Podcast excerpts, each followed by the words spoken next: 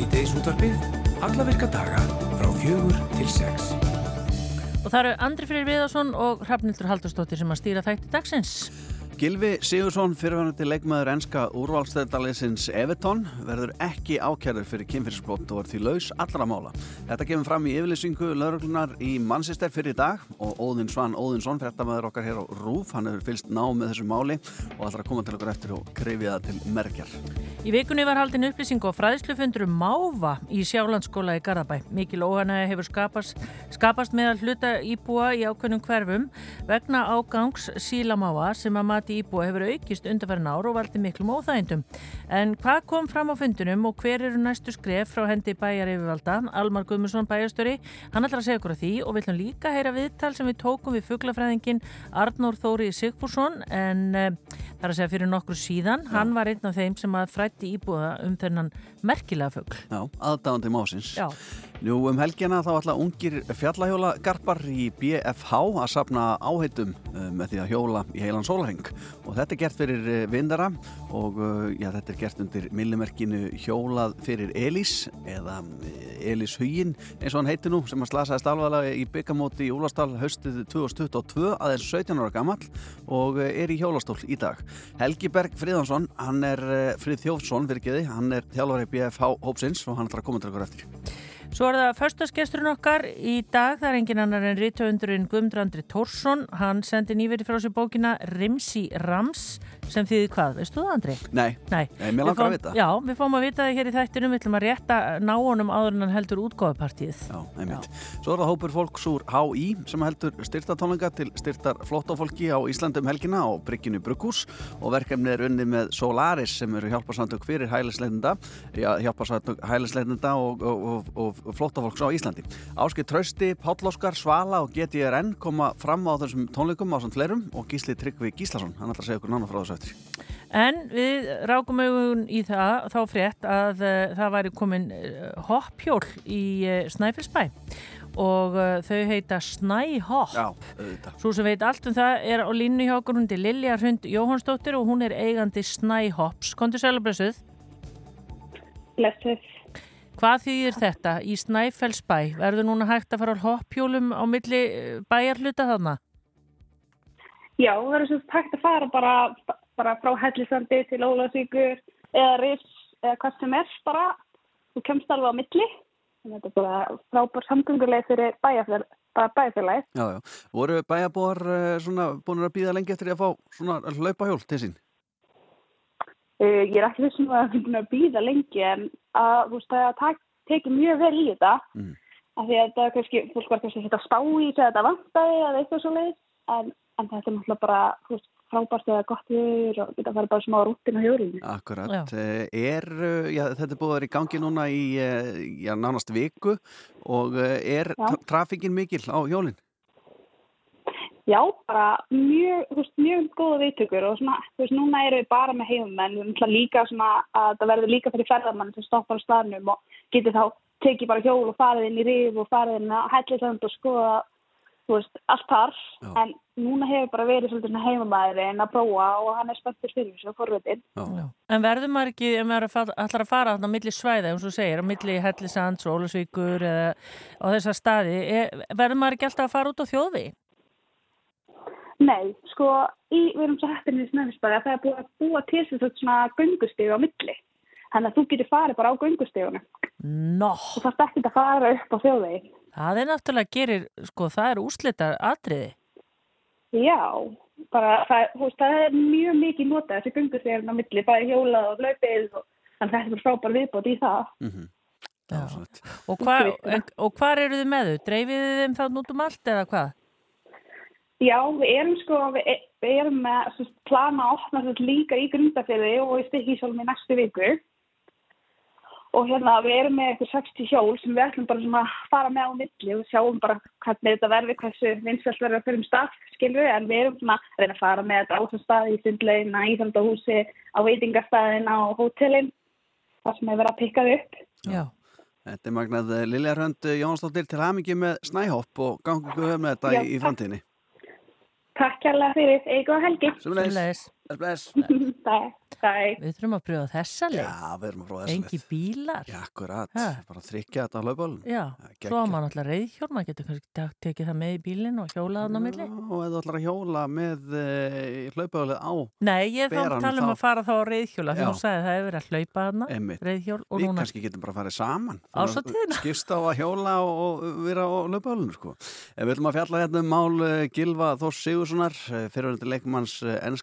hjóla og, og vera á hlaupalun. En Við ætlum að fjalla mál Gilva Þórs Sigurssonar fyrirvændi leikmanns enska úrval, úrvalsteildaliðsins Evertón rétt á þetta Fyrst og fremst með þér Við erum Rástfö Mál málana sennilega í dag og öruglega rætt á mjög mörgum kaffestofum landsins er auðvitað mál Gilva Sigurssonar fyrirvendi leikmanns enska úrvalsdeildaliðsins Evertón og auðvitað íslenska akkurat aðal maðurinn hérna um ára byll. Hann verður semst ekki kærðu fyrir kynferðisbrot og er því laus allra mála og Óðinsvann Óðinsson, fréttamaður, hann hefur fylst með þessu máli í allan dag. Velkomin. Takk fyrir. Uh, eitthvað nýtt sem að hefur svona bara síðan, uh, síðan við heyrðum í þér síðast í fréttunum? Sko, það hefur allavega enginn frá hans armi eða hann vilja tjá sig. Við höfum svona verið að reyna að, að ná tali af einhverjum sem tengist honum, hvort að hann ætli að senda frá sér einhverja yfirlýsingu eða tjá sig eitthvað svoleiðist. Það hefur allavega ekkert, ekkert slíkt komið. En ég var að koma uh, frá hérna, KSI nýri lögadal, var að taka viðtal við Vöndur Sigurgistóttir, forma KSI, reyndar út af, út af öðru líka, að ráða nýjan landslýstjálfara, en ég spurði hana aðeins út í þetta og, og hún hefur ekki talað við Gilva en, en stefnir á að gera það, segir hún. Og svo spurði hana hvort að hann ætti afturkvæmt í landslið og, og, og hún sagði að samkvæmt þeim reglum sem þau hafa verið að vinna með í svona málum þá er ekkert ít í fyrirstuð að hann spila aftur fyrir landslið en svo veit maður auðvitað ekkert hvort hann hafi áhuga á því eða hvort að nýr þjálfari hafi áhuga á því að, að velja landslið. En strámt til tekið þá, þá má hann spila aftur núna. sko. Já. Þetta eru tvö ár sem að hann missir úr uh, æfingum og, og uh, bara spila inn á velli líka í, í alveg leikjum. Þetta er hellingstími fyrir leikmann að þegar maður veit að, að leikmann þurfa að halda sér í góða formi, bara að æfa á hverjum minnsta degi. Eh, Hvað segja svona gárungar, uh, svona það er eflust um, ykkur af vangaveltur búin að vera í gangi, haldi því að hann fara aftur inn á völl? Sko, það eru auðvitað sem betur fyrir engin fordæmi fyrir þessu að menn hafa verið settir í stofufangilsi í tepp tvö ár á svona hátindi ferilsins en tæknilega sé, það fer auðvitað allt eftir hvernig hann er búin að hérna, halda sér við og ef hann hefur yfir höfuð áhuga á því Mhm. þá á hann alveg þrjú, fjúr góð ár eftir og með við svona hvernig leikmaður hann var þá sé ég ekki fyrir mér að, hann- sitji núna heima á bumbunni sko, hann er bara, ég myndi reikna með að hann væri líkamlega klár en auðvitað leikform og svo auðvitað bara þetta með áhugan skilur, maður Já. veit það ekki en Já. e, ef allt gengur upp hvað þetta var þar, þá ætti hann alveg geta að spila 2-3 ári viðbót sko Já. Ef við rifjum þetta eins upp á þinn, þetta er sem sagt bara gerist þarna fyrir tveimur árum og þá er hann bara handtekinn á heimili sínu. Já, þetta eru tæp tvö ár síðan það var um mitt sumarið þarna 2020 og þá og, og reglurnar uh, í Breitlandi eru þannig að það er ekki heimilt að nafngreina svona og hann er ekki ennþá nafngreintur eins og í miðlum í dag bara að að leikmaður, fyrir leikmaður Evertón hafi verið leistur úr haldi eða hérna, ákerur felda niður en já, hann er bara handtekinn og, og það bera strax fréttir hingað heim að svona leikmaður Evertón það er talað um, þeir tala mjög mikið í kringum þetta hann í Englandi, þú veist, reyndur landslýsmaður og þú veist, menn gáttu bara lagt saman 2 og 2 og svo enda með að, að þetta kemst í fjölmjöla hér heima. Og síðan þá hefur þetta verið bara eiginlega byðin endalösa sko, það hefur voða lítið frest af málinu þannilega að sé, annars slæðið nokkra mánuða fresti komið að máli sé enn í skoðun enn í rannsók uh, pappans stífu fram þarna fyrir tæpu ári síðan þar sem að hann segir að það sé að vilji fá strákin heim að fá að býða þetta allan af sér hér. Og, og leitar hann áður utaríkisraðanetti sinns veit ég og ráð þeirra það gekk ekki. Þannig að þetta er allan einhver endapunktur á þessu máli núna að, og, og hann var auðvitað í farbanni. Þannig að hann, ég gerir ráð fyrir að hann geti bara komið hinga til Íslands núna og Já. verið hér En af því þú fylgist nú bara vel með fótbolta svona almennt, er einhvað mál sem þú sér svona hliðstætt þar sem að þetta hefur tekið, svona hafi tekið svona langan tíma? Nei, ekki sem ég veit um en það hafði þetta komið upp svona mál í ennskum fótbolta og, og síðast, ég held að sé svona áratugur síðan hafa leikmaður Sönderland sem Adam, heitir Adam Johnson, hann var kærður og, og síðar dæmdur fyrir hérna, að vera með stelpu sem var ung eða hérna, undir lögaldri og þeir breytar taka mjög hart á þessum málum. Og við minni að hann hefði fengið 5-6 ára fangelsi og ferillinu þetta bara búinn, hann að menn svona auðvitað veit engin um, neitt um þetta mál. Hvað, annað en að bara hann meint brot á að hafa verið alvarlegt. En, en það var svona snundum borið saman að þetta getur verið einhvers konar refsirammi en, en það verist ekki verið að hafa verið næg ástæða til þess að fara með áli lengra. Því að lauruglan úti segir að það hefur ekki verið næg að sannanir til þess að ákjæra í þessu máli. Nei. Þú varst að koma frá KSI, bara svo við vendum aðeins, Já. förum aðeins í hinn áttina, nýr landslistjálfari og hérna, hver er þetta? Þetta er sko í stuttumáli bara svona norskur reffilegu kall sko, hann er hérna OK Horæti heitir hann, hann er 69 ára gammal, hann hefur þjálfað, í, hann hefur verið í boltanum í, í 50 ár, hann hérna var sjálfur leikmaður og svo hefur hann þjálfað og byrjaði að þjálfa í Nóri árið 1985, þannig lungaður hann í fæðist með þessa og svo hefur hann verið að þjálfa á Norðurlöndunum og þjálfað bæði í Noreg, Danmörk og Svíþjóð í þessum löndum og landslið Noregs og Danmörkur með frábærum árangri þannig að ég held að KSI hafi verið að sækja þjálfara hann úr efstu hyllu Já. og líst bara mjög vel á, á og hann, sko. hann var ekki mættur? Nei, hann kemur íst á þriðudaginn uh, til landsins og þá fáum við einhver viðtöl við hann og vonandi á morgun verða einhver viðtöl við hann líka sem eru tekinni í Noregi þannig að fáum við að heyra eitthvað í, í, í kallinum Já, með það Fylgjus með áfram og Óðinsvann, takk kærlega fyrir að koma til okkar. Takk fyrir mig.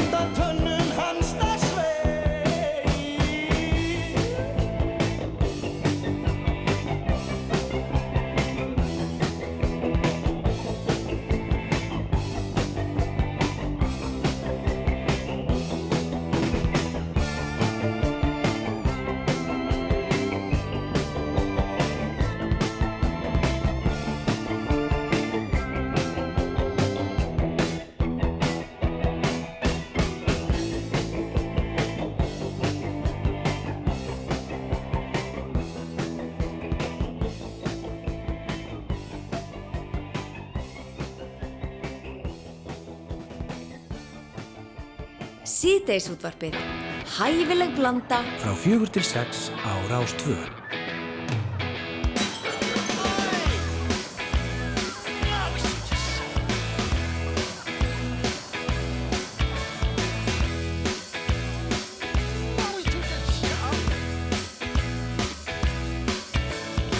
Confidence is a preference for the habitual voyeur of what is known as morning suit can be avoided if you take a route straight through what is known as. John's got brewer's group, he gets intimidated by the dirty pigeons. They love a bit of him. Who's that gut lord marching? You should cut down on your pork life, mate. Get some exercise.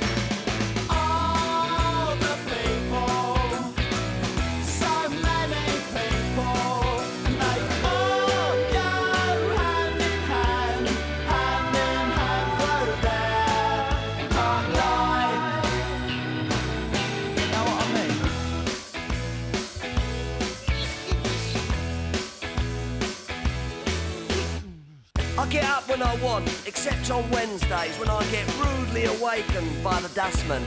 I put my trousers on, have a cup of tea, and I think about leaving the house. I feed the pigeons, I sometimes feed the sparrows too. It gives me a sense of enormous well-being. And then I'm happy for the rest of the day, safe in the knowledge there will always be a bit of my heart devoted to it.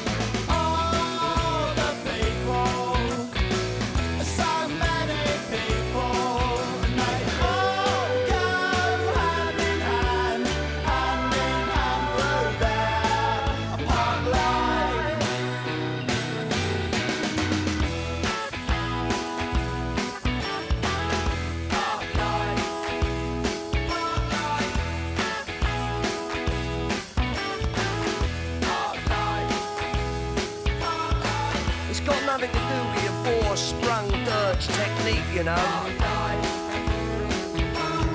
it's not about you joggers who go round,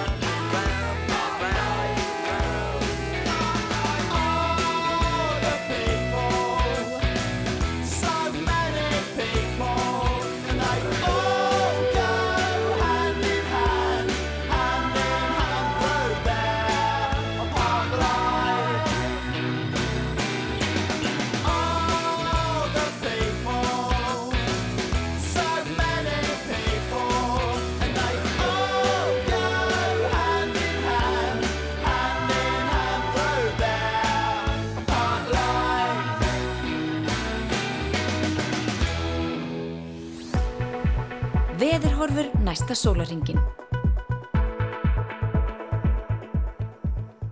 Herðu, það er komið að veðrinu. Já, hvernig lítur þetta út? Við sátum hérna aðeins úti á þann, Andri, aðeins. segja hlustandi frá því. Já, já. Ég, þú ert ekki lit. Já, Ha? ég það náttúrulega ekki neitt til að taka lit. Nei. Ég það bara sko helst að sjá hann í sjónvarpinu, þá er ég bara vel tannaður sko. Emi, en maður þarf að sitja svona helst alveg í, í sko, skugg, eða Já, hvað já, það? já. Log, eða þú veist, í hotninu. Já, já, já, já, einmitt maður að finna skjólið. Já, en svo heyrðum við okkar ágætu Gunnudi sem var leiðin norður. Já. Það er einhver garri þar í gangi. Skýta veður á leiðinni allana. Já, en spáin er svona norðlega eða breytilega 3-8 metrar á sekundu, norðvestan 5-10 austan til. Daldi rigning eða snjókoma norðan og austanlands og sumstaðar þókusúlt við ströndina en að mestu létt skeið sunnan heiða. Svo lægir í kvöld og stittur upp, hæg breytilátt í fyrramálið og bjartviðri en skýja norðan til í fyrstu. Vaksandi suðaustanátt og þyknar upp sunnanlands seintamorgun 5-15 kvassast og, uh, og lítisáttar væta síðst annað kvöld. Hittin 3-11 stiga deginum og það verður hlýjast hér á suðvestur horninu en vægt frost í nótt. Já. Hmm. Ertu með eitthvað meira? Nei, ég Einhverjar var bara að hugsa sko að því sumundagurinn fyrst er Já. í næstu viku. Lítur þetta ekki bara vel út? Jú, jú. Það verður hérna lúrasveitinar með hérna gæsa húðina Akkurat, akkurat. lærunum.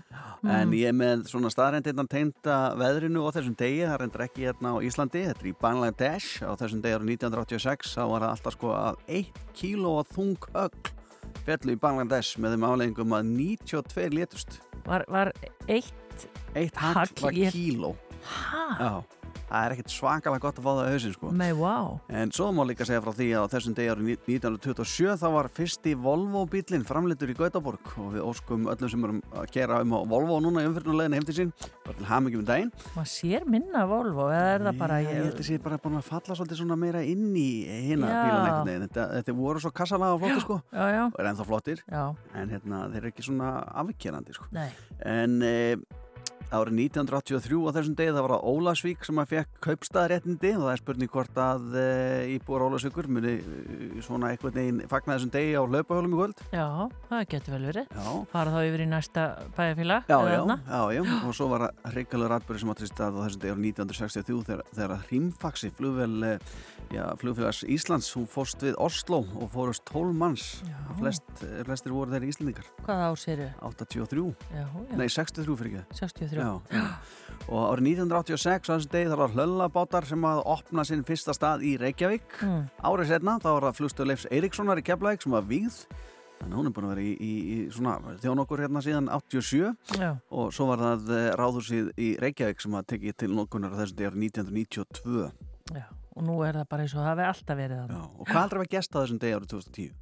Uh, ég veit ekki. Eldgós hófst í Eyjafjallajökli. Já, á þessum degi. Við nú hvernig það var. Já, sko. þessu Það var, eh, Til bölvaðara vandræða. Heilengir. Heilengir. Já. Herði, ég var að sjá hérna inn á Lúsmi síðan okkar. já, yes. Hér er spurt, Já. er Lúsmi komið aftur núna? Eða er það enn of kallt? Já. Hvað heldur þú að svari sé? Ég held að það sé komið eitthvað staðar, það er eitthvað með, er eitthvað með eitthvað að sögja lúsmið. Það er ein hérna sem segir, ei, Lúsmi kemur aftur um miðan júni. Ok, Og ok. annar hérna, og nei og já og það, fólk er ekki alveg, þannig að Nei, nei. ef einhver er búin að sjá Lúsmi núna, þá lítur hann bara vinsanast bara að setja þetta strax inn á síðan. Bara um að gera, hún er þannig til þess og við munum fylgjast með henni í sýttis útafbrunna sjálfsögðu og láta ykkur vita þegar fyrsta lúsmi Þetta er Rástvö Fyrst og fremst. Með þér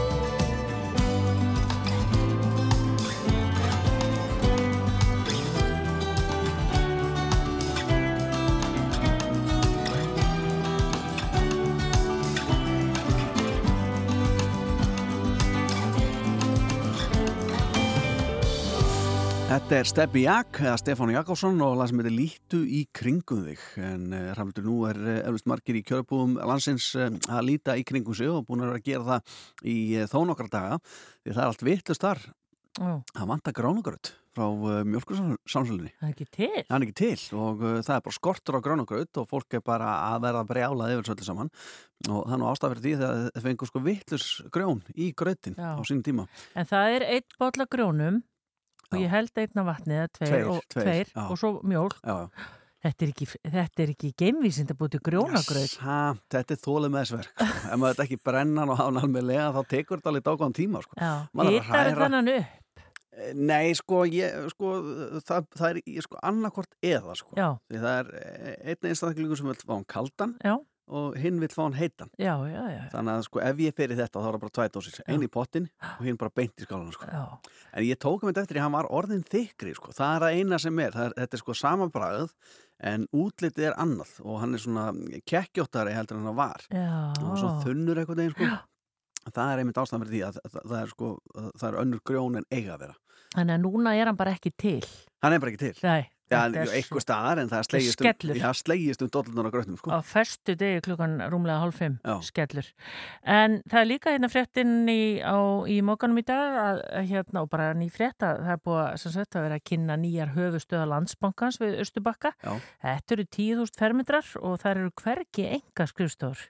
Það er ekki ein enga skrifstofa. Nei. Þetta er opið vinnurýmin, fjölbreytt og dagspyrtan lýsir upp húsi í gegnum stóra þakglugga og glugga og svo er þetta allt glætt með stuðlabergi. já, hérna, hérna Þetta er náttúrulega blasið við hérna við hörpu. já, já, Alveg í stíl við hérna, Það er flott. já, já, já. Ótrúlega flott. En við ætlum að spjalla hérna rétt eftir það en Helga Berg Friðjósson sem er uh, þjálfari uh, reyðhjólaliðs og uh, ætlar að eh, koma hérna og segja okkur eftir frá uh, átaki sem er að fara, vera- eh, í ganga Mikið að duglegu fólki til. þetta er frábært eh, sem að, eh, já, duglegt fólk fjalla í hjólagarpar eh, BFH er að safna pening fyrir vinsinn sem að eh, nú í hjólastól út af reikalegu slisi sem hattur í stað eh, árið 2022 í Úlfarsárdal ætlum að kynna okkur það nána hérna rétt á eftir.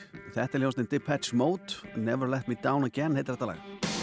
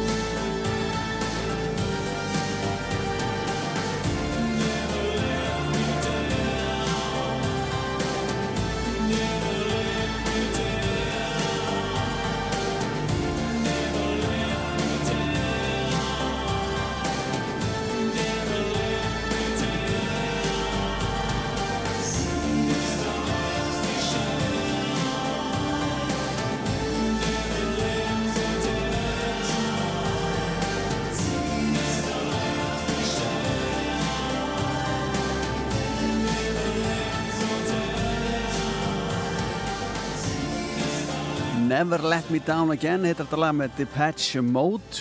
En við ætlum að fara að fjalla hérna um hjólreiðar því að eh, já, um helgina þá er það nokkur ungir fjallahjólagarpar í BFH sem ætla að sapna áhættum með því að hjóla í heilan sólarheng fyrir vinsinn undir millumerkinni hjólað fyrir Elís en Elís Hugi hann slasaðist alveglega í byggarmóti í Úlastall hösti 2022, 17 ára gammal og er í dag í hjólastól. Við erum komin með Helga Berg Friðjófsson, þjálfara BFH hópsins til okkar. Sætla blessaður og velkomin. Sæl, þú sagði þetta rétt í þetta skiti? Já, et, það er klikkast undir hjómanni. Já. En við erum ekki eftir að ræða það. En hvað er BFH?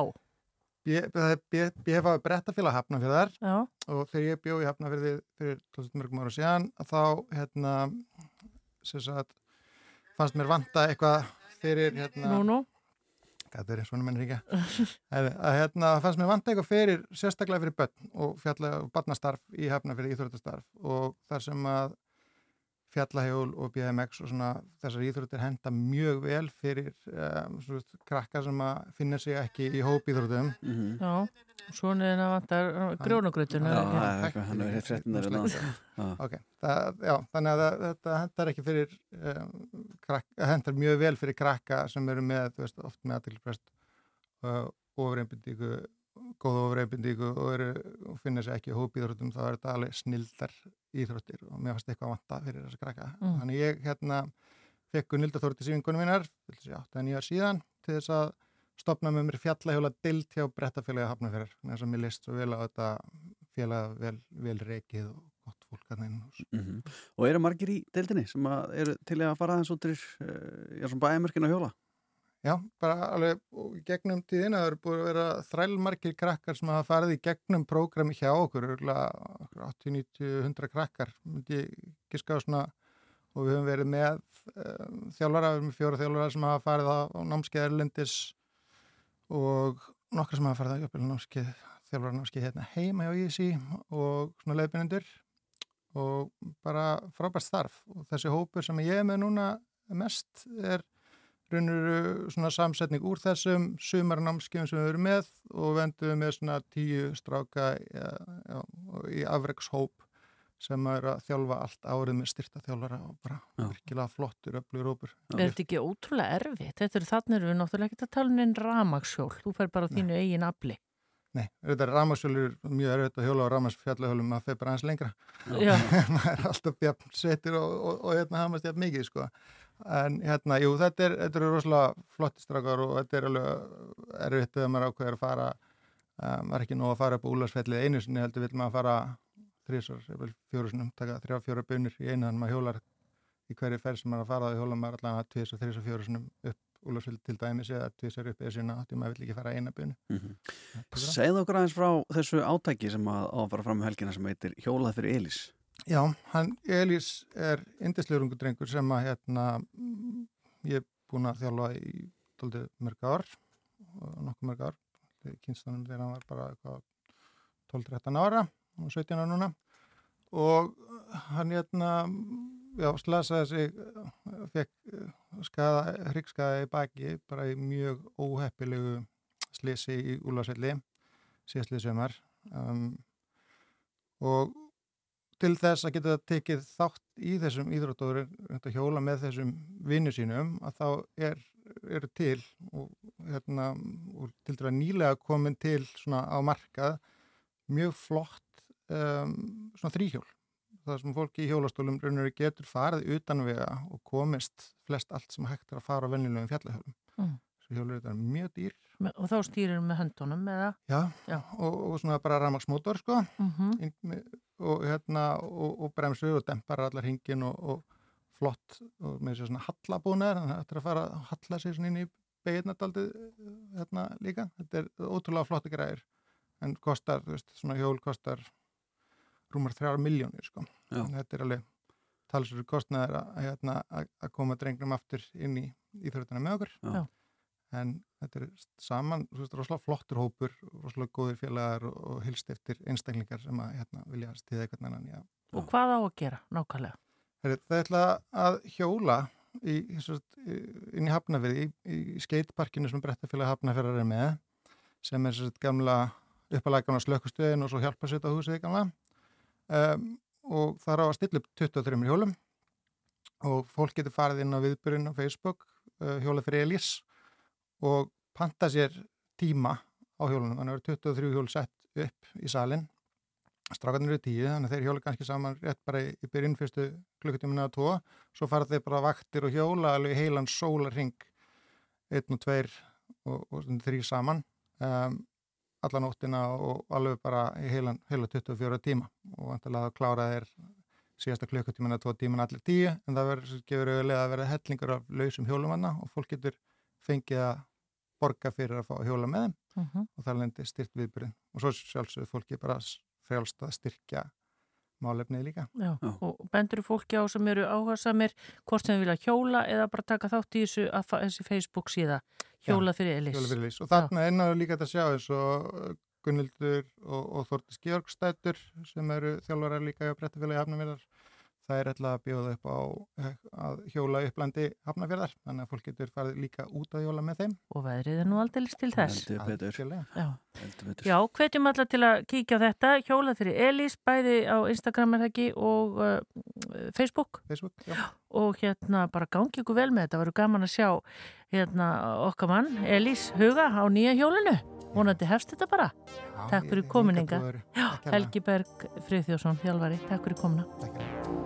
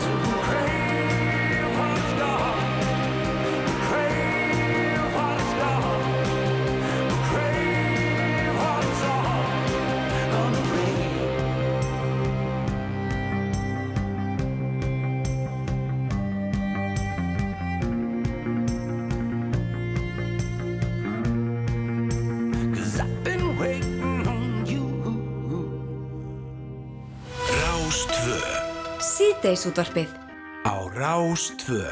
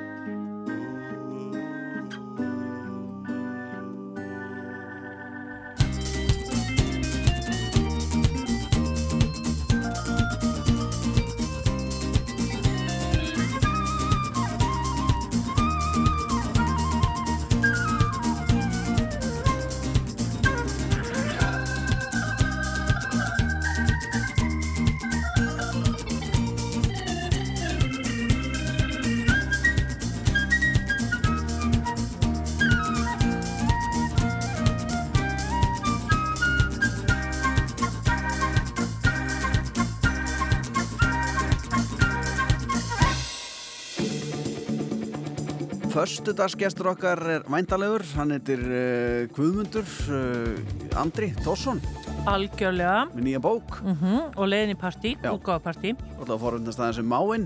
Já, elskuð þú máinn? Finnst hann mjög flott skemmar Já, en ég er, ekki, já, ég er ekki með hann samt í garðinum heima og svona Já, hann- Ég get það ekki, nei, nei, Nei. En eh, svo þetta líka að tala um hana Sólvi og Ástu Sigurðardóttir um tónleika sem Solaris er að halda núna um helgina. En Óðins Svan, Óðinsson, eh, uh, frettamæði var hérna í okkur aðan að tala um Mál Gilva Þór Sigurssonar mm. og við fáum eflust að heyra hvað hann var að spjalla við vöndu sig fyrir í dag eh, hér í frettum sem er að hefest.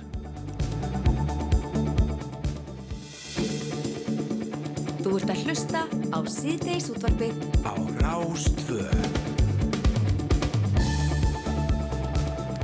komið gestu til okkar uh, á þessum degi, Andri við kallum þetta yfirlt föstudagsgesti. Já, já, Er ég það það. Er viðandi. Það er líka först dagur og þetta er gestur. Já, Þannig að það er bara mjög viðandi. hann er með nýja bók, undir, kom með nýja bók og, hérna, sem heitir Rimsi Rams og uh, það er engin annar en Guðmundur Andri Tórsson. Velkomin. Takk, Hvað því Rimsi Rams? ég veit það ekki. Hérna, þetta er bara eitthvað sem er fyllt mér frá því á krakki. Þetta orð, rimsi rams, Já. eitthvað segja algjörð rimsi rams og svona og maður sagði, við pappi vorum með svona bullmál sko þegar að okkur kannski langaði að segja eitthvað og tala saman en höfðum kannski ekki að segja. Þá bara fórum við að tala um að tjalla sér í rallið og rimsi rams og tjallirall og ballibæ og, og eitthvað svona. Já, Frábær samtöl. Já, já, þetta voru alltaf góð samtöl svona, það var svona góður andi í þeim og hérna og það er einhver andi í þessu orði sem að það kemur í gott skap. Já, þegar ég hérna hugsa um það og, og hérna, ég notaði þetta, ég var með svona spjall í útvarpinu hérna 1870 eða eitthvað emmitt. og þá kallaði það rimsirans og sem þýðir svona bara spjall, rafl Þannig að það var komin tími til að einn bókaðina fengi þennan titil. Já, Já. algjörlega Ég, hérna var hans að glukka hérna á hann og byrjunin, það, þú veist, sem segir þetta frá heimsók til hérna hans gerðis, Já, í garðin Já. Já, og hann bauður upp á sigurlust keks. já Hvernig hann er ger- það? hann gerir Er það gott? Já, mjög, sko ég borðaði bara þarna þegar ég kem, ég eins og til hana sko, ég má ekki borða sigur, ég, ég er einn af þeim Já, en ég er ofsalegu súkulaði maður, súkulaði óhólisti þannig að hérna e, og ég þor ekki alveg að sko fara að kaupa þetta staðaldri að ég yrði örglega háður þessu. Já. Já, Þar, af því þú varst að tala um sko að hafa ekkert að segja, þar bendir hann þér á uh, eina góða hugmynd fyrir Já. rithöfunda. já, Að skrifa alltaf 20 línur á dag. já þetta er mjög sniður, sniður bara alltaf 20 línur á dag um eitthvað. Og hérna ég bara ákvaða að fylgja þessu. Hann ráðlaði mér að gera þetta því ég verið eitthvað að væla yfir því að mér ditt ekkert í hug. Og bara sestu niður og skrifa 20 línur. Og þetta gerði ég. Stundum urðu þess að 20 línur kannski 23 ári eða 60 stundum bara 3 ári eða 4 en einhvern veginn samt alltaf 20 línur Og ekkert endilega í einhverju samhengi. Nei, bara, nei, bara Nei. svona flæði sko. Andri, Já, þetta er magnað. Og, og þá lítið að eiga hansi stórt sapna af línum sem er búin að skrifa allan hann tíma. Og þetta er ekki 20 línum. Já. já, já, ég, ég á alveg heilmikið safnað því. En, en svo var nú bara sko kunstin að raða þessu saman. Og hérna e, og, og þetta er náttúrulega pínu svindl í þessu sko þess að margt að þessu eru bara gamleir pistlar og, og hérna ég hef Facebook-festlur og, og eitthvað sem ég hef skrifað á ymsum tilhættum, maður stundum beðin um að skrifa eitthvað. Já. og ég vann líka upp á því sko. En, en svo raðaði ég þessu í svona eitthvað skonar ástíðaröð eftir gamlu mánuðunum Einmitt. byrja á þorra, þorra og svo er þetta til þorra. Þannig að þú færið svona eitthvað skonar úr þessu frá einum þorra til annars. Til þess að þér finnst þess að hafi liðið ár þegar þú ert búin að lesa þetta emmitt.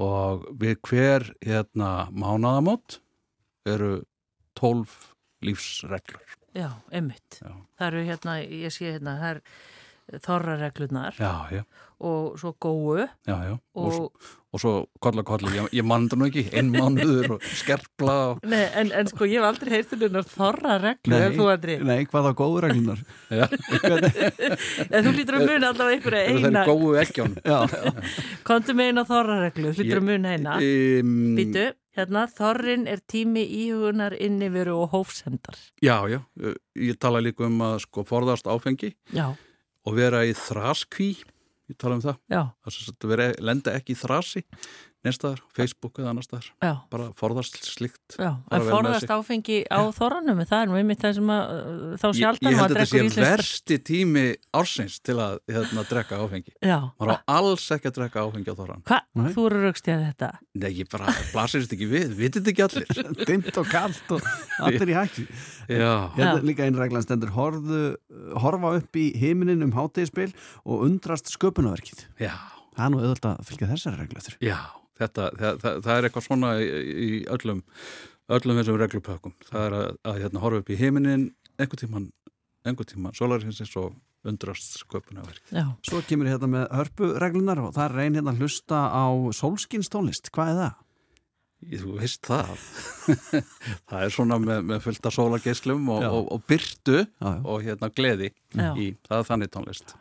Ég var að, hérna, því, því ég var að fletta bókin á hann, þá var allmis lagið um, hérna, nei, hérna, minning uh, um franska lagið sem var vangalag Já. þegar Guðmundur Andri var 12 ára. Já, ég þor ekki, ég þor ekki að fara út í það. Hérna. Manst þetta í því lagið? Nei. Er þetta ekki, er þetta ekki, Við erum svo gömul er, hérna er, við. þetta ekki fjölskyldu þátt? Jú, þú meinar, já, einmitt. En sko það sem ég var að hugsa þá, því ég var að lesa það, hvernig sko mann maður svona hluti?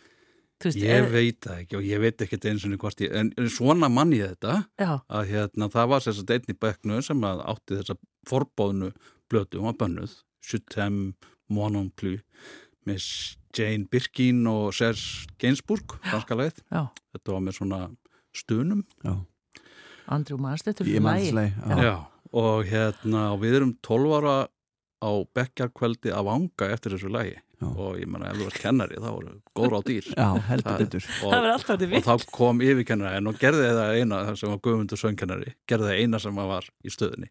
Hann kvekti ljósið og setti jenga á fónin og, og let okkur svo hérna fara í svona halarófi Já, eftir jenga það sem er svona eins ósexy dans og, og, og, og bara þú getur hugsað þér það, það með leistist upp famlöðin á gólfinu. Já, já, Já. algjörlega sem að við náttúrulega vorum 12 ára við sem ekki alveg hvað við áttum að Nei, nei, hvernig við áttum að finna undur þessu nei, sko. þetta verður bara erfitt fyrir alla.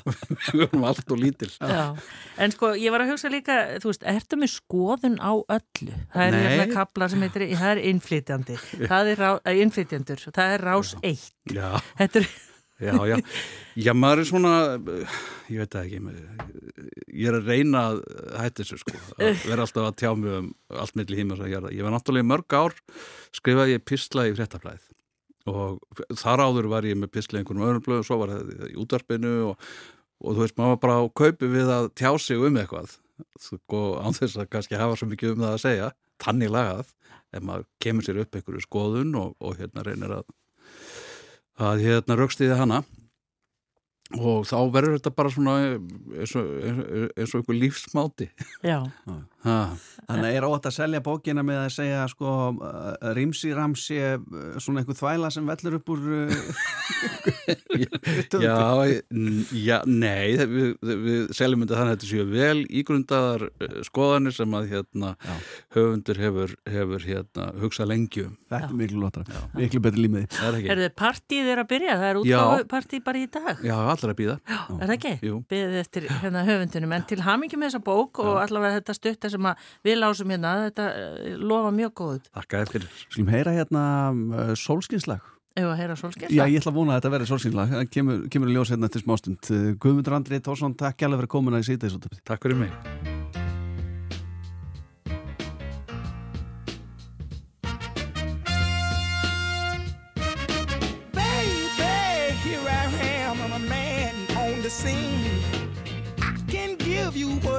but you got to go home with me. I forgot some good old love, and I got some in store. When I get through throwing it on you, you got to come back for more. Boys and things will come by the dozen, but that ain't nothing but drugstore loving. Pretty little thing, let me light your count, cause mama, I'm sure hard to hell and I yes around.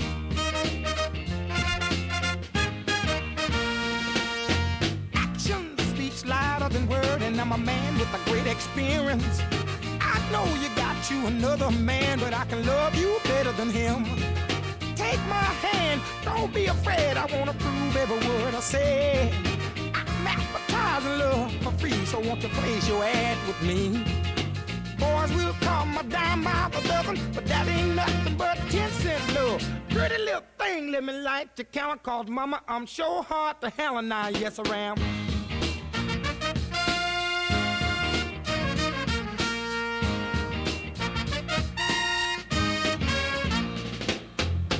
Baby, here I am, I'm a man on the scene. I can give you what you want, just come go home with me.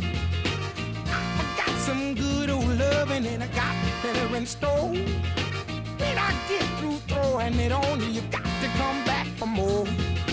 Boys will come a dime by for loving, but thing, let me light your candle called Mama. I'm so hot to hell and I, yes I am.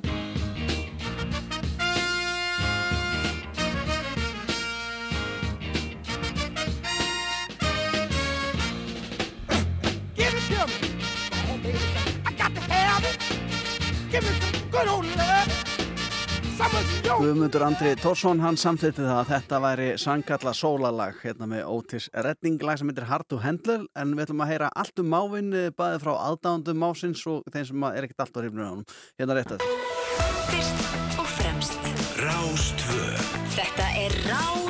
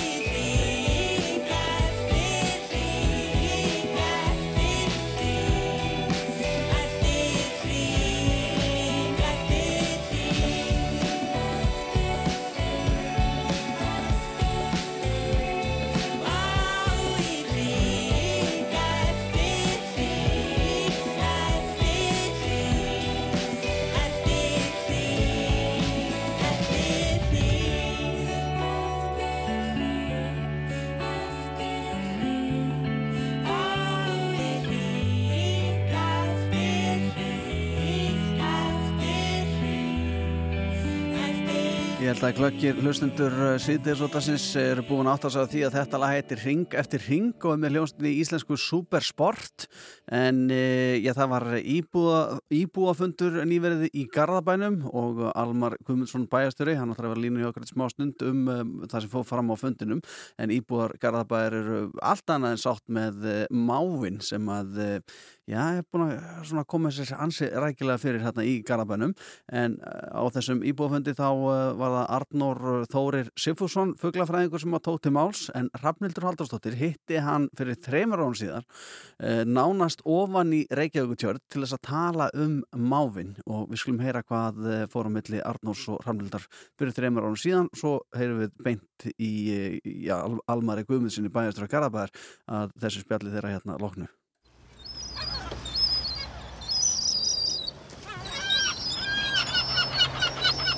Við erum komin yngan niður á tjörn, ég og Arnór Sigfússon, fugglafræðingur. Við stálumst til að hérna, taka með okkur eina brauðbólu hérna til að lokka okkur mávana því að ég er svo forvitinu mávana Arnór og það eru fleiri. Því ég sagðist vera að fara í við- taka viðtal við þá fekk ég fullt af spurningum. Hvað eru margar mávategundir sem að halda til á Íslandi? Þær eru nú, hvað ætla þessi ekki, svona 6 held ég, 6-7, minnum mig. Og sílamáður er vantilega, hvað, algengasti? Já, hann er nokkuð algeng, algengasti hér á, á þessu hodni landsins og svo ef þú kemur út á Östurlandi þá er Silvumárun algengari og Svartbakurinn hún með fækkað reyndar en hann var algengur hér áður en alltaf Silfur og Sílamáður, Síkjörnir og Hettumáður algengastir í dag. En hvað eru þeir að gera hérna á tjötn? Akkur eru þeir ekki út á sjó?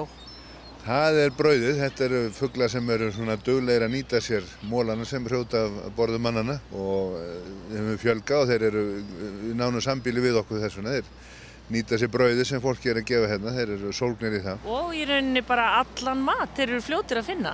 Já, já, þeir eru aðlætur má segja og þeir, þeir geta svona allt sem gogga á festir má segja, þannig að þeir geta brauð og þeir geta skordir og þeir geta pulsur afganga og allt, allt sem þeir finna bara sem er ætt. Sumir hafa komist upp á lag með að stela útigrillum og fleira þannig að þeir eru mjög sniður að berga sér þegar, þegar á, því, á því þarf að halda. Og er þetta heldur ástæðan fyrir því að svona mannfólki að við svona, já, við erum ekki, þetta er ekki í sérstöku uppáhaldi hjá okkur, þessi fugl? Nei, nei, hann, eh, fólk tengja hann svona sem við kallaðum fljúandi rottur og svona bæða því þeir sækja líka mikið allir sorphauða sem er eh, nóg að borða og líka hérna með skolpræð sem voru og héttu hérna með fram ströndur Reykjavík og þá sóttuðu mikið í það en núna eru þessi ræsi horfin og það hefur breytt talsett fugglalífinu hérna við ströndina, það hefur minkað í það fugglalífið, endur og máar og svona fugglar sóttu mikið í skolpræsin þegar þau komu hérna upp svona rétt fyrir neða fjöruborðið. En svo er það líka hljóðin sem þið gefa frá sér. Þau eru eldsnam á mótnana, maður er að vakna við á nóttunni þegar þetta er komið inn í íbúðu hverfi. Hva, um hvað eru þeir að tala? Þeir eru öruglega kallast á og segja hér ræð ég, setja ykkur ljósastöður á einhverjum góðum þar sem er vona góðum bytta og, og segja öðrum að þarna, þetta er mitt pláss og haltu í burtu og, og svo eru þeir öruglega kallast á líka. Og við heyrum hérna núna, við hefum líka svona háttíðin í tístæður og ungarnir sem er andið flegir, þeir eru svona sníkja, þetta er svona sníkju hljóð. Þeir eru að byggja fóreldarinn að gefa sér eitthvað bytta líka. Já, En hefur þú gaman að þeim? Ég sá að þú, þeir, þeir virtust þekkja þig. Þeir komið alveg í hópu þegar við mætum. Já, já, mjög, þetta mjög skemmtilegi fuglar og þeir eru fallegir og, og, og eru mjög sniður. Ég kynntist þeim vel þegar ég vann hérna veiðistunembotinu sín tíma, þá var ég með radiosenditækja á svona mám og fylgdi þeim eftir all, alls á sólurhengin og þegar maður fyrir að fylgjast með einstaklingum þá kemur íminslega skemmtilegt í ljós. Og þá eldi maður, þá sá maður þeir voru að fara á sama staðinn að, að borða og, og sömur og þeir sérhæfið sér mjög. Þannig að máandi sem eru hérna á tjörninni eru flesti bara eldast við brauð og er ekkert að líta á ungorum.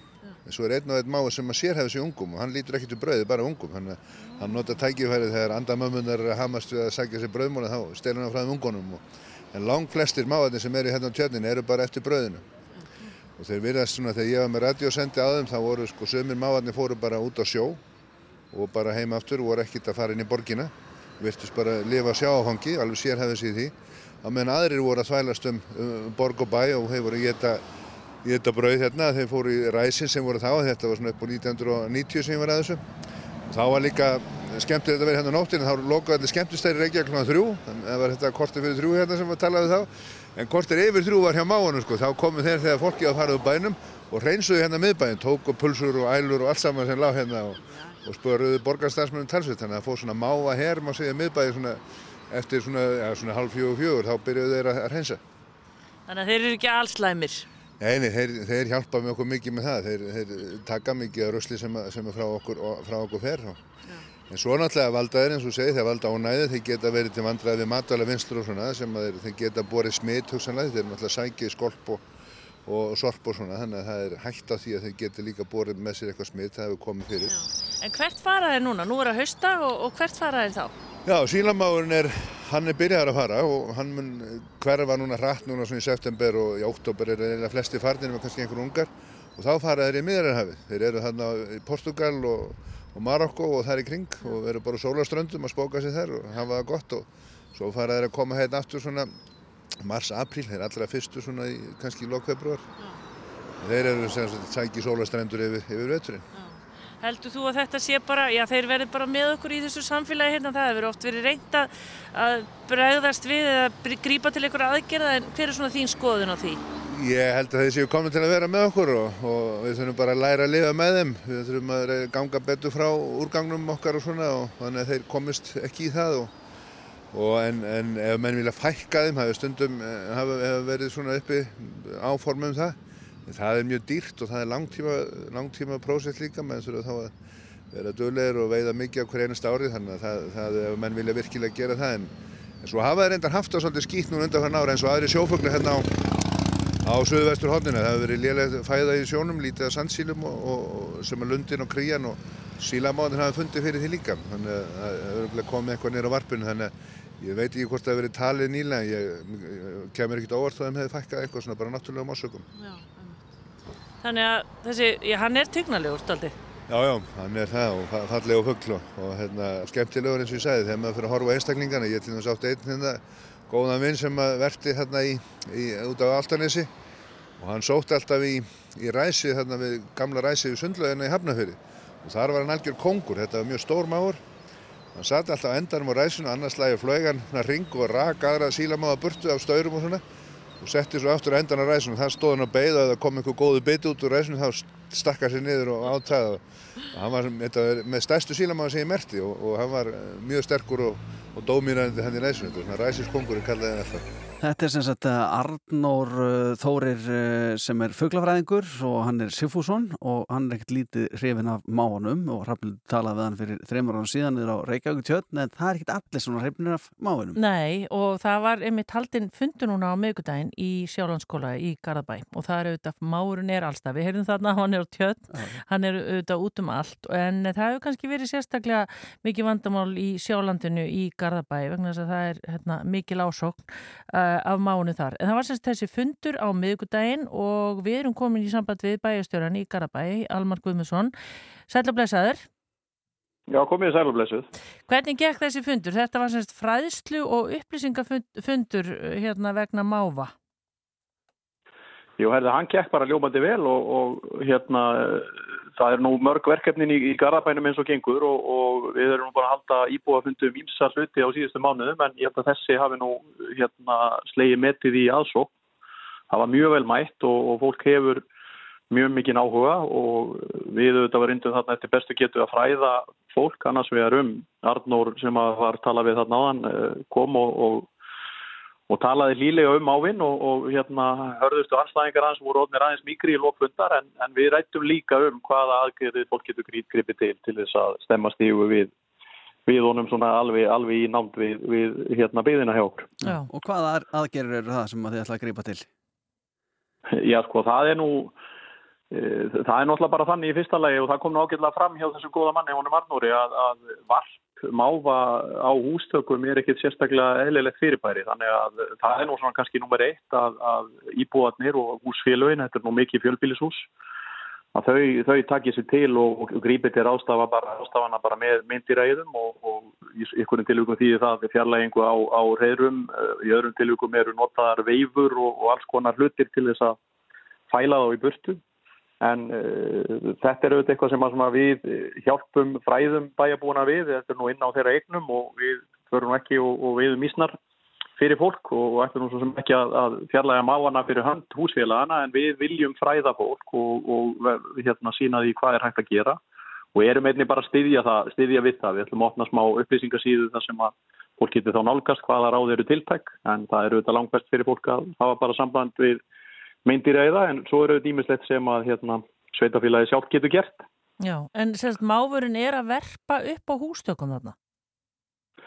Já, er, það eru greinilega bröð á því og það sem kannski vantaði í Ást Arnós á mávinum þarna í viðtalinu var að, að og ég hef nú bara persónulega reynst að því sjálfur auðvitað í samtali við fólk. Ég hef ekki upplifað sko, hérna, árásmáfa eða annað þess áttar en, en lýsingarna sem ég hef fengið frá fólki og Arnós saði nú sjálfur á fundinum að þeir væri nú ekkert að, að hérna, snerta fólk eða, eða stukka við í bóstalega en jú, þeir flýju aftan af, af fólki og það virðist bara með að við lýsingarna vera mjög ókveikjandi. Bæði er þetta nokkur stórir fuglar og, og háværir og, og tölverkt vænkaff og, og ég, ég segi allavega fyrir mitt liti okkar garbaðinga. Auðvitað viljum við þá leggja okkar að mörgum þannig að við bæjum þessari hættu frá en, en auðvitað þurfum við að, að semja um friðum á einn svona réttum stað en okkur finnst línan vera rámt dreigin núna að við viljum aðeins stukka við honum, koma honum af hústökunum og það stendur til að setja upp svona gatta ofan á ljósastöðra og annað í þeimtúr sem að er sem hann Arnur kallar að fælka setstöðum,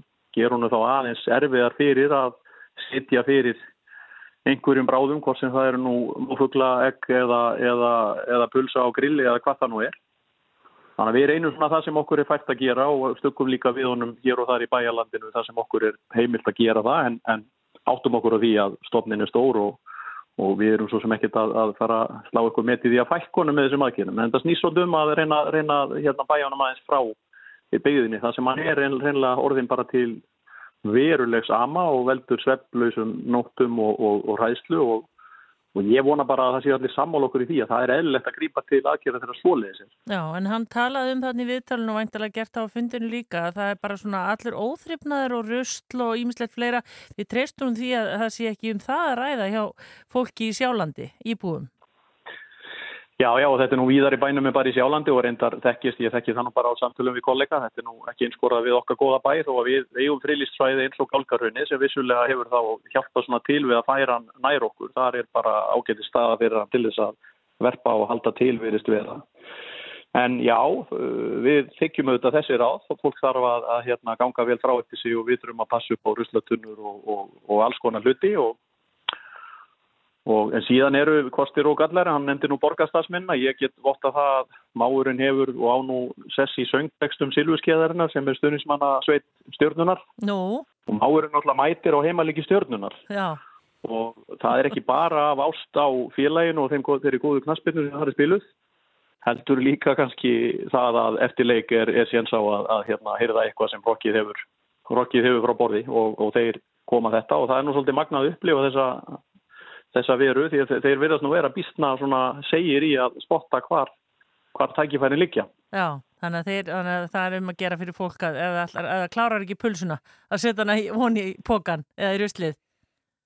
Já, það er nú við og það er bara ráðgjöf frá Arnar og flýru góða fólki sem er í, á þessa lund og við veitum þá að grípa til ráðstafan ef að varf verður líklegt og svo eins og ég segi við, við gerum það sem við getum til þess að stugga við honum með þessum göttum ofan á staurum og, og, og einhverju leiti að fækka en það sem við meðum það. Við meðum það náttúrulega ekki í frílandi en við gerum það og það sem okkur gengur til með því er einfallega að reyna að, að ít honum frá og, og það er svo merkilegt á Íslandi að þetta þykir, þykja tíðindi en það þykir ekki tíðindi þegar það er verið að halda varginum frá æðarvarpi eða, eða frá fiskheldiskeri eða hvaða nú er. Það, það er eðlegt en okkur gengur svolítið á Íslandi stundum illa átt okkur á því að, að sömu aðkýri geta bara, geta bara verið eðlilegar uh, gagvart mannlega samfélaginu líka þar sem fólk upplifir ræðslu og mikið óveriki. Almar Guðmundsson, bæjastur í Garabæðar, takk í spjallið og gangi ykkur vel með uh, já, bara, í baratunum við máinn. Takk fyrir sömulegis, góða helgi. Takk bless. Já og uh, svo nú annar einstaklingur sem er einstaklega hrifin af máunum og svo hrifin að hann gerði lag fyrir ekki lengur síðan um máuna. Nú. Þetta er uh, vinur síðdeis út af sinn sem heitir Steindi Junior að kalla sér það og hér er lag sem heitir einfallega Máar.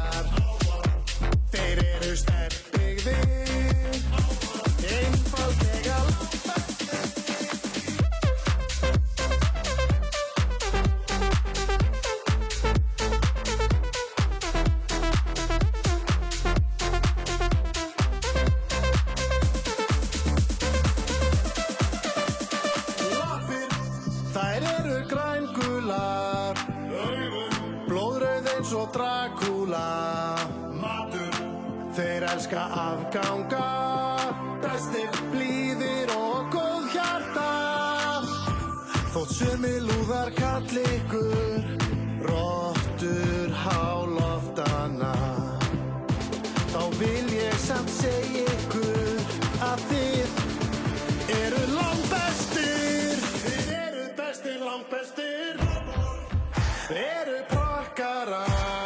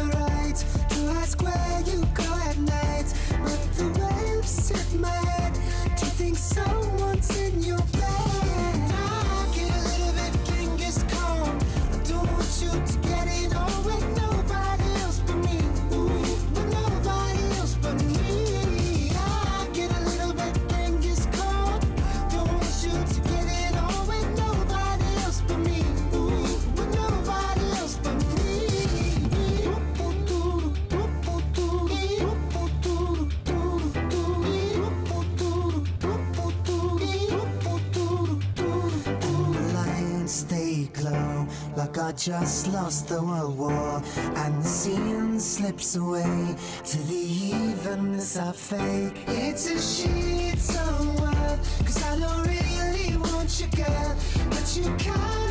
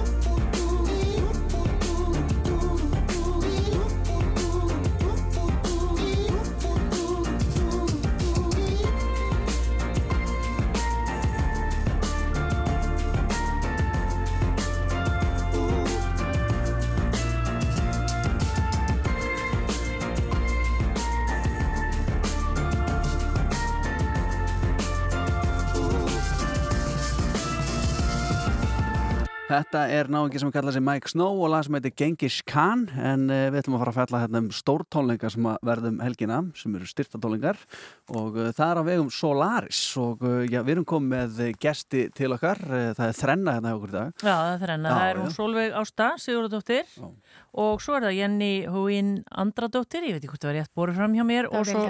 Saki Ögmundsson. Velkomin. Takk fyrir. Kannski byrjum við þess Solveig, Hvað- svona fyrir fólk sem hefur ekki hugmynd um hvað Solaris er, hvað er Solaris? Já, einmitt. Hérna Solaris eru samtök sem voru stofnur árið 2017 og, um, og voru stofnur svona eftir fréttaflutningum bára aðstæður fólks og flótta á Íslandi og voru svona bara svona samfélagsviðbræð til þess að, að vera til staðar fyrir fólk sem væri hér á landi og við um, sinnum því helst að sapna pening til að veita bara neyðaraðstöð að hér býr fólk við uh, fátækt og báar aðstæður og við um, reynum að, að vera til staðar og svona sinna samfélagslegum skildum en, en svo viljum við líka bara gegnum samtökin reyna að virkja fólk og, og stuðlað vitundavakningu varðandi um, rasisma og fordóma í íslensku samfélagi. Já, og svona náttúrulega fóruð að stað löngu áður en að skalla á stríð til dæmis af því að staðan hefur náttúrulega breyst mikið eftir að, að hérna, breyst út stríð í, í hérna á milli rúsa og úgrænumanna. Já, einmitt, þess að ég segi, þessi auðvitað eru mörg hérna, samtök og margir að gera svo góða hluti á Íslandi en þessi samtök eru stofnuð 2017 um, þannig að hérna, eins, og þú, eins og þú bendir á þá eru auðvitað aðstæður fólks mjög hérna, krefjandi, það eru 100, yfir 100 miljónir manna um, á flótta í heiminum þannig að við þurfum bara sífælt að vera skapandi og virkja mennskuna í okkur öllum til að vera til staðar fyrir náungan. Já, einmitt. Hvað hérna, í hverju fælstíman ef maður býður sér fram og, og vil taka þátt í samtökunum, Hva, hvaða verkefni fari maður þá útlitað? Já, við hérna höfum einmitt á hverju ári erum við með jólagjafa útlutun til barna sem eru á landinu og svo hérna sinnum við því sem við kallum bara svona neyðar aðstöð fólk getur leita til okkar, það er matar, útlutanir um, og reynum að aðstöð fólk við bara svona ímis uh, verkefni tengt því að vera til þegar þú býrði við krefjandi aðstöður. Og hefur gengið vel að fá fólk til að starfa með ykkur? Já, það var sérstaklega ánægulegt núna um jólinn um, þá sérstaklega hérna hvað við fengum góð viðbröð og hvað fólk bauði sér fram eins og er uh, bauði fram aðstóð sína og, og starfaði með okkur og svo er eins og tilefni dagsins í dag hérna stórkostleg framtak uh, fólks sem að er hér með mér í Já. dag Já. að vera til staðar fyrir okkur. Þið sem sagt eru þá að sjá um tónleikana Já, uh, þetta byrjaði sem sagt um, að því við erum í MPM námi við HR og það er partur af einu námskeiðinu núna í vor sem að uh, á að betrumbæta samfélagið og hópurinn minn ákvað þá að hafa styrstatónleika og þá þurftum við að ákveða hvers konar málefni. Um, fyrir mér var það engin spurning að gera fyrir flóttafólk þar sem að ég sjálf kom til landsins árið 1990 sem flóttamæður með fjölskyldinu minni. Þannig að þau voru ótrúlega fljót uh, til í að taka þátt í þessu Mhm. og ég hafði fylst með Solaris í smá tíma og sá einmitt um jólinn hvað þið er að gera svo ótrúlega mikið fyrir hérna flóttaböll og mér fannst það engin spurning að gera fyrir Solaris styrta tónleika. Já, og Saki, hvernig, hvers konar styrta tónleika verði þetta og hvar verða þær haldinir? Herru, þetta var haldin á enna bryggjunni brugghús á morgun klokkan 8. Það var í geðvett læna. Við erum með Áskjötrösta, Valdimar, um, Svölu, GTRN og enna Magnús Jóhann og Palli, Páll Óskar, hann klárar viðbyrjun. Þetta var bara geggjað. Já, vá, það er bara landsliðið. Þetta er landsliði Já. og miðarsalan er á tix.is. og uh, fólk getur farið það inn á teks og treytt sér miða og uh, líka kannski fólk á heim ekstra annars þar en er ekki, þá getur það samt bara keift miða og það mæti ekki, það, það styrki þannig eða ekki hægt. Það er hægt líka og svo er líka hægt að styrkja með frásum framlögum. Já. Bara leggja inn á reikning. Já, stórkostlegt. Já. Tónleikar annað kvöld en svo bara svona rétt í lokin fyrir þá sem eru að hlusta og vilja taka þátt í og leggja eitthvað að mörgum og, og ganga í samtökin. Hvað á fólk að gera? bara endilega hafa samband við okkur. Við erum með heimasíðu, við erum á samfélagsmiðlum bara Solaris um, og það er það sem að er svo frábært við viðbyrðið svo þennan, bara að vera auka sínileika og, og virkja um, samfélagið til að koma saman og allir geta gert eitthvað. Það er það sem skipt svo miklu máli. Frábært. Heldur Solveig, Jenny og Saki, takk fyrir komuna. Góða skemmtinn á tónleikunum morgun á Bryggjunni Brugghús. Allt saman inn á Facebook, Solaris líka og hérna samfélagsmiðlum en gangi ykkur vel. Takk. Og hér ætla að hlusta á GTRN sem kemur fram á þessum tónleikum á samt Áskeri Trausta, Valdimar, Páli Óskari, Svölu Björgvins, Magnús í Jóð og uh, svo er Eva Rúsa að kynna. Þannig að það hefur mikið gleði, mikið stuð þetta er lagið Vorið með GTRN.